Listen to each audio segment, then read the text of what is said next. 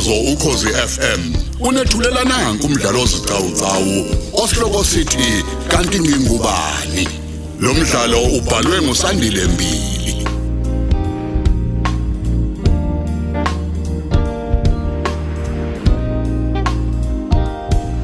Awuphinde uthole sanamhlanje samashumi amabili nesikhombisa.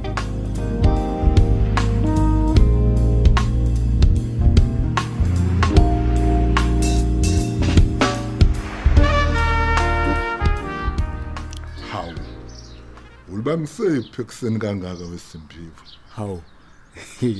Sawubona mfundisi. ngena ngena ngena ngikuphe ulift hawu uyaphi Ey mfundisi ngiyangapha ngasePine Town. Ehe ngizothi nje mangifika khona ngibe sengithatha amatekisi ke ayi Maritzburg. cha hayi kuyezwakala fana yini bo kwenziwani emgungundlovu Mfundisi njengoba wazi nje nawe ubaba yeke wakutshela ukuthi ubaba wami ongizalayo. Mhm. Kwatholakala ukuthi akusiyena usicebe igama. Kodwa empeleni nje abazali bami abakwanxele. Namhlanje ke ngiyohlangana nabo. awu uyakubo nje njengoba uhamba ekuseni kangaka Yebo mfundisi. yibo bathe woze emgungundlovu kubona emzini wabo Yebo mfundisi noma ke ngingazoqala ngihlangane nabo emzini wabo. ya Ehe kodwa nje sizohlanganela endaweni abayikhethile yokudlela lapha emgungundlovu edolobheni. eyu mkhulu uNkulunkulu mfana wami. Awu awu. Uyazi engathi ungahamba nenkosi ke kube ukuthi kulokhu yabathola ngempela abazali bakho. Ikhona kuzoke kuvaleke nalesi sikhala sokulangazelela ukuhlangana nabazali bakho. Hawu nawe ukubabone nje ujabule. Ey ngiyabonga ngiyabonga kakhulu mfundisi. Nami futhi ngethemba kanjalo. manje awusho ke semphiwe. Unayo nje imali eyanele yokuya nokubuya la uyakhona Eh khona ubaba ubenginikile. Ngicabanga ukuthi yaneleke yona le mali anginike yona. Ngoba ngike ngathi nje ukubuza buza kancane la einkundleni zokuxhumana ukuthi kumalini kusuke ePine Town uye eMaritzburg bangitshela yona yona le mali. Oh hayi cha. Ungcono ke kodwa nami awuthi ke ngikuthi nje thasi kancane mfana. Eh uvula lapho ku Cape Hall uthatha 200 rands lapho. Eh khona mhlawumbe ke uma sekumiwe emathilom la endleleni nawe uthenge njengabantu bonke udle uhlafuna uphuze. Hawu ungaphathi imali elingene. Ngiyabonga ngiyabonga kakhulu mfundisi. Ngiyabonga hayi mfundisi. kulungile ke mfana wami. Yazi ngijabela lento oyenzayo ukuthi ufune ukuzazi imvelaphi yakho. Noma kungathiwa ukhule kahle kanjani mfana wami kodwa ekugcineni kuyabaleka ukuthi ufune uzazi ukuthi ubani wakuphi ozalwa ubani noma ozalwa ubani kunjalo nje mfundisi. Futhi ke angifuni kuphinde kungenze lokho okwenzakala phakathi kwami nokhethiwe njengoba sekutholakala nje ukuthi ungudade wethu. iyo. Hayi ke leyo ke mfana hayi. Ya vele yangiphula umoya nje hey yangiqeda nje. Yabona hayi hayi yangilimaza kakhulu mfana wami. Ukhuluma iqiniso nje mfundisi namanje ukhethiwa akakayikholwa nje leyo ndaba. eh kufanele ndodana kufanele mfana. Kucacile ukuthi le ntombazane kuthanda ngempela. Ayifuni neze ukulahlekelwa uwena. Ey kodwa kubukeka kuzokwenzeka mfundisi. Ngoba phela angiboni kuyisibusiso ukuqhubeka uthandane nomuntu ekubeni nobabili senazi ukuthi nihlobene. Ngokwezibongo nibiza isibongo esisodwa. akusiso neze impela ndodana. Sibusiso leso ayibusekile impela leyo nto. Empeleni nje kuyihlazo nje phambi kukasomandla. Engathi hayi hayi hayi. Yabona izinto zingenzeka zilunge zisheshe ilunge nje empilweni Hhayi, yakho. uyabona? Kwayona nje leniyenzayo ke ke le yokujola ihlazo phambi kwamdali. Hawu mfundisi phela angeke uvele ushade ningajolanga mfundisi. Kumele niqale. Hawu yonke into vele iqala emjolweni mfundisi. yabona mfana kuthina makholwa akunjalo ndodana akunjalo simpiwe hawu. a- a- awusho ke wena mfundisi. Usho ukuthi wena awukaze nje ujole selokwathi inhloko ake nizwe lo mfana madoda.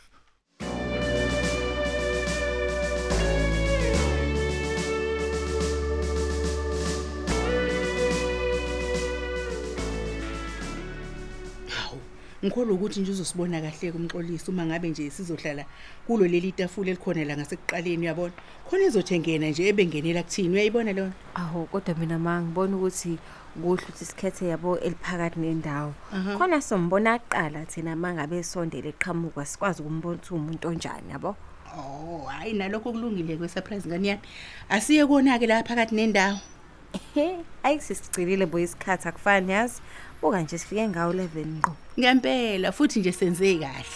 Yazi mhlawumbe nje yena usefikile uyasibuka nje. Yebo ma ukumfonela uze ukuthi ukuphi yena? Hayi awume kancane hayi bo.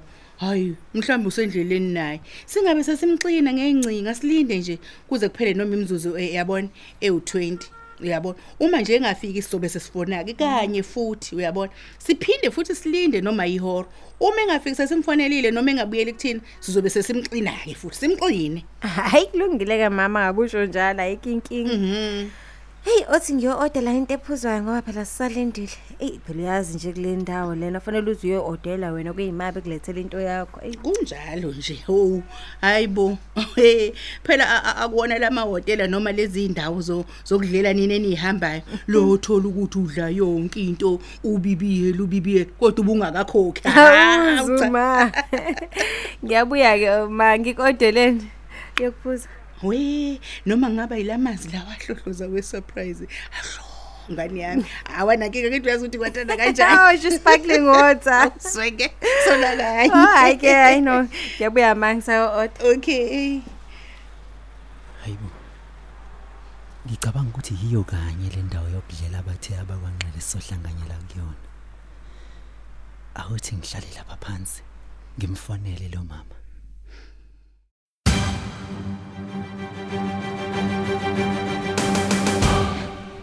Hello yebo sawubona Yeah. yimina uSimphiwe sengifikile kule ndawo ubucela ukuthi sihlanganyele kuyona khona la eMgungundlovu ngingasemnyango Ah oh, ayazi nami ngikhona. Phosa amehlo kulamatafula phakathi nendawo, ngigqoka ingubo ebukhwebezani. We kambana nazi nabukhwebezani epurple ehambisana neduku lakhona. Uyangibona nakho ngiphakamisa isandla? oh eh, yebo hayi sengiyakubona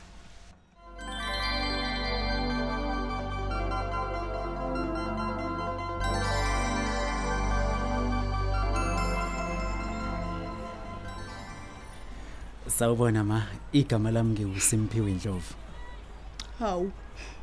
Hawu kodwa ngani yami. Ngani yami, ngixolisa mntanami. Ngani yami sondela lapha ngikubone mntanami. Sondela. Hawu. Yazi angabazi inhlobo ukuthi wena umntanami walahlekayo. Uyazi ufana ncamashini oxolana umfowenu mntanami. Hawu yazi mina ma ngisadidekile. Angazi nokuthi kumele ngithini angazi ngempela. Yini yenza ukuthi uvele ube neshonje ukuthi yimina lengane yakhe yalahleka? Ingoba ukwazile ukuthi uthathe ucingo ungifonele ngenamba engayishiye ephepheni ngekade ngifuna. Futhi manje ngikubheka ufana ncamashini oxolani iwele lakho elisana kushona. Uyazi nje niyazi.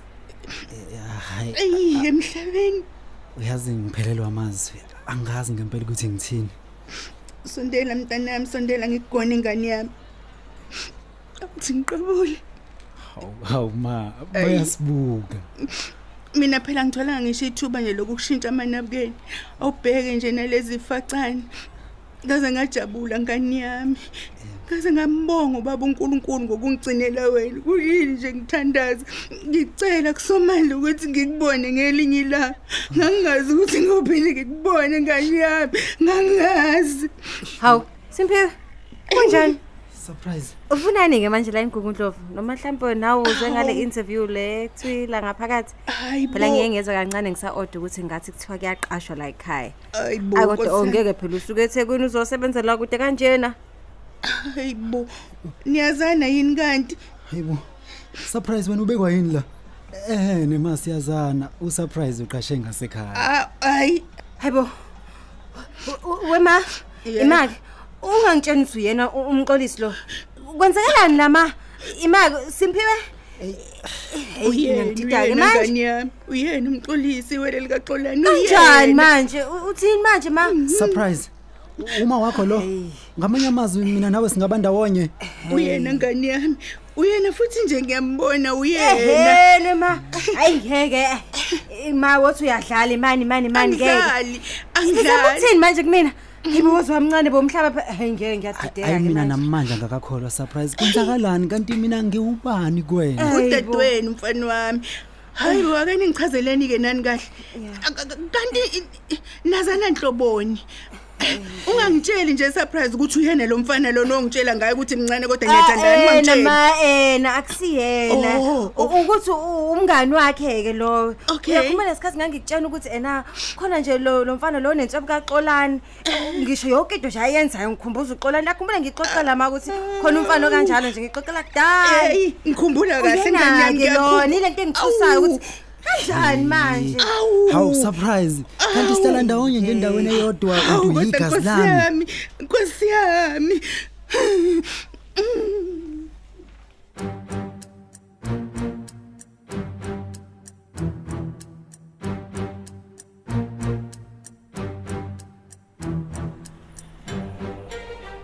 hey uyazi nje hey mina namanje nje le ndaba isangimangaza. Ukuthi mina noSimpiwe sabandawonye mina nje abantu abamayi ngiyajabula futhi ngijabulela nokuthi nje sengize ngakuthola mxolisi mntanami Ey okukahle ma singaloku sijabula kakhulu. Owesimpiwe, usiphathele isithombe sikama wakho njengoba uma bekucelile. oh eh yebo yebo ngisiphathile isona lesi Awu. Hawu kodwa Nkosi yami. Hawu le ntombazana iyona ngempela. Yazi iyona ngempela. Iyona surprise iyona ngempela le ntombazana yantshontshe ingane yami yazi iyona. Awu thula phela ma ungabusakhala. Awu. Thula thula. Ayi. Eh, Ayi. yazi asijabulela ukuthi thina sesisalithola nje ithambo lethu yabona. Ayi, Sibonge ayi. naNkulunkulu ukuthi hayi usaphila. Awu. Anginjengoba besicabanga uyabona kodwa ma. Hawu kodwa thula, ma wami, wayengizondeni thula. wayengizondeni lo muntu. Kodwa ke kulungile Awufisi uqinisile umoya, mntanami. Ha umxolisi ingane yami. Awuphinde futhi usondele ngane yami awuphinde usondele nje. Ngigone phela mina ngilithola ngethuba lakho awuze kumina ngane yami. Hey bo. Awu, ayi ku- ku- ku- ngijabule. kujabula mina ma kujabula mina. Eh. Eh, uxolo bengicela ukubuza ubaba yena uphi? Kungani ngezanga la a- hayi hayi umatasa kakhulu emsebenzini wakhe. Eh mfana wami umatasa.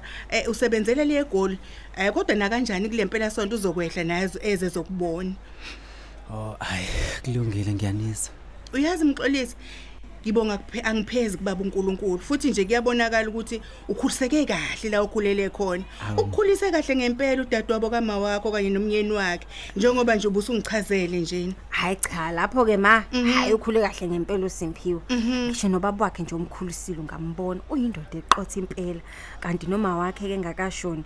Yo naye beyisiqongqwane sikankosikazi. Nkosi yami. Kanti nale ntombazane ke sizogana bamdlovu Eh, Phosha. Hayi naye ibukeka nje intombazane eright enothando ehlakaniphile. Hayi ke lapho ke. awu oh haleluya kabongo phezulu Hayi akabonga ngempela ma wami. Nkosi yami hayi ngijabule ngempela ukunithola ma wami eh eh kanye nawe sisi yizeke noma usurprise besivele sazana kodwa nje ngijabula kakhulu ngikholwa nawe ukuthi zonke ke izinto zami sezizoke zithi nje ukuqaqeka ya ngicabanga ukuthi nje sekuzovuleka mhlambe namathuba omsebenzi kuvuleke nenhlanhla kufezeke zonke nje izifiso zami Nkosi yami, kuphele mntanami. nalokho kubangwa ke Nkosi yami ukubangwa amadlozi ey Hayi Hayi. kunjalo Simphiwe khulileka nje wena.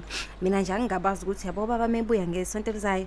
Mhlawumbe nje kukhona nje azokwenzela kona ngiyakutshela. hawu ongjengani manje surprise Phela sengisho mhlawumbe nokufana nokuthi yabo abikwe emsamo enzelwe Ha. nesiphandla noma mhlawumbe ke inkukhwana ke nje phela kulungiselwe nokuthi yabo ashintshe isibongo ma. ha hayibo kwase kushesha kangaka manje surprise ngoba phela ubaba wakho into azoyenza ukumbona uSimphiwe mase bazana kangcono kokunye nokunye seko sekulandela ngokuhamba kwesikhathi. Akuzothi efika nje usenzelwe iphandla hayi akuhambi kanjalo Awu, umntana ma, Phela nami bese ngisho nje angibengasho ukuthi kuzowenza. hayi kodwa kahle ke ningakwazi ukuthi mhlambe simfonele ke ngikhulume naye nje. Oh ya, yazi icebe lihleke lelo Simphiwe. Empeleni asivele senze nje video call yabo? Ukuze nizobonana kahle straight. Hawu lokho kungakuhle kakhulu surprise. hayi awuyenzi.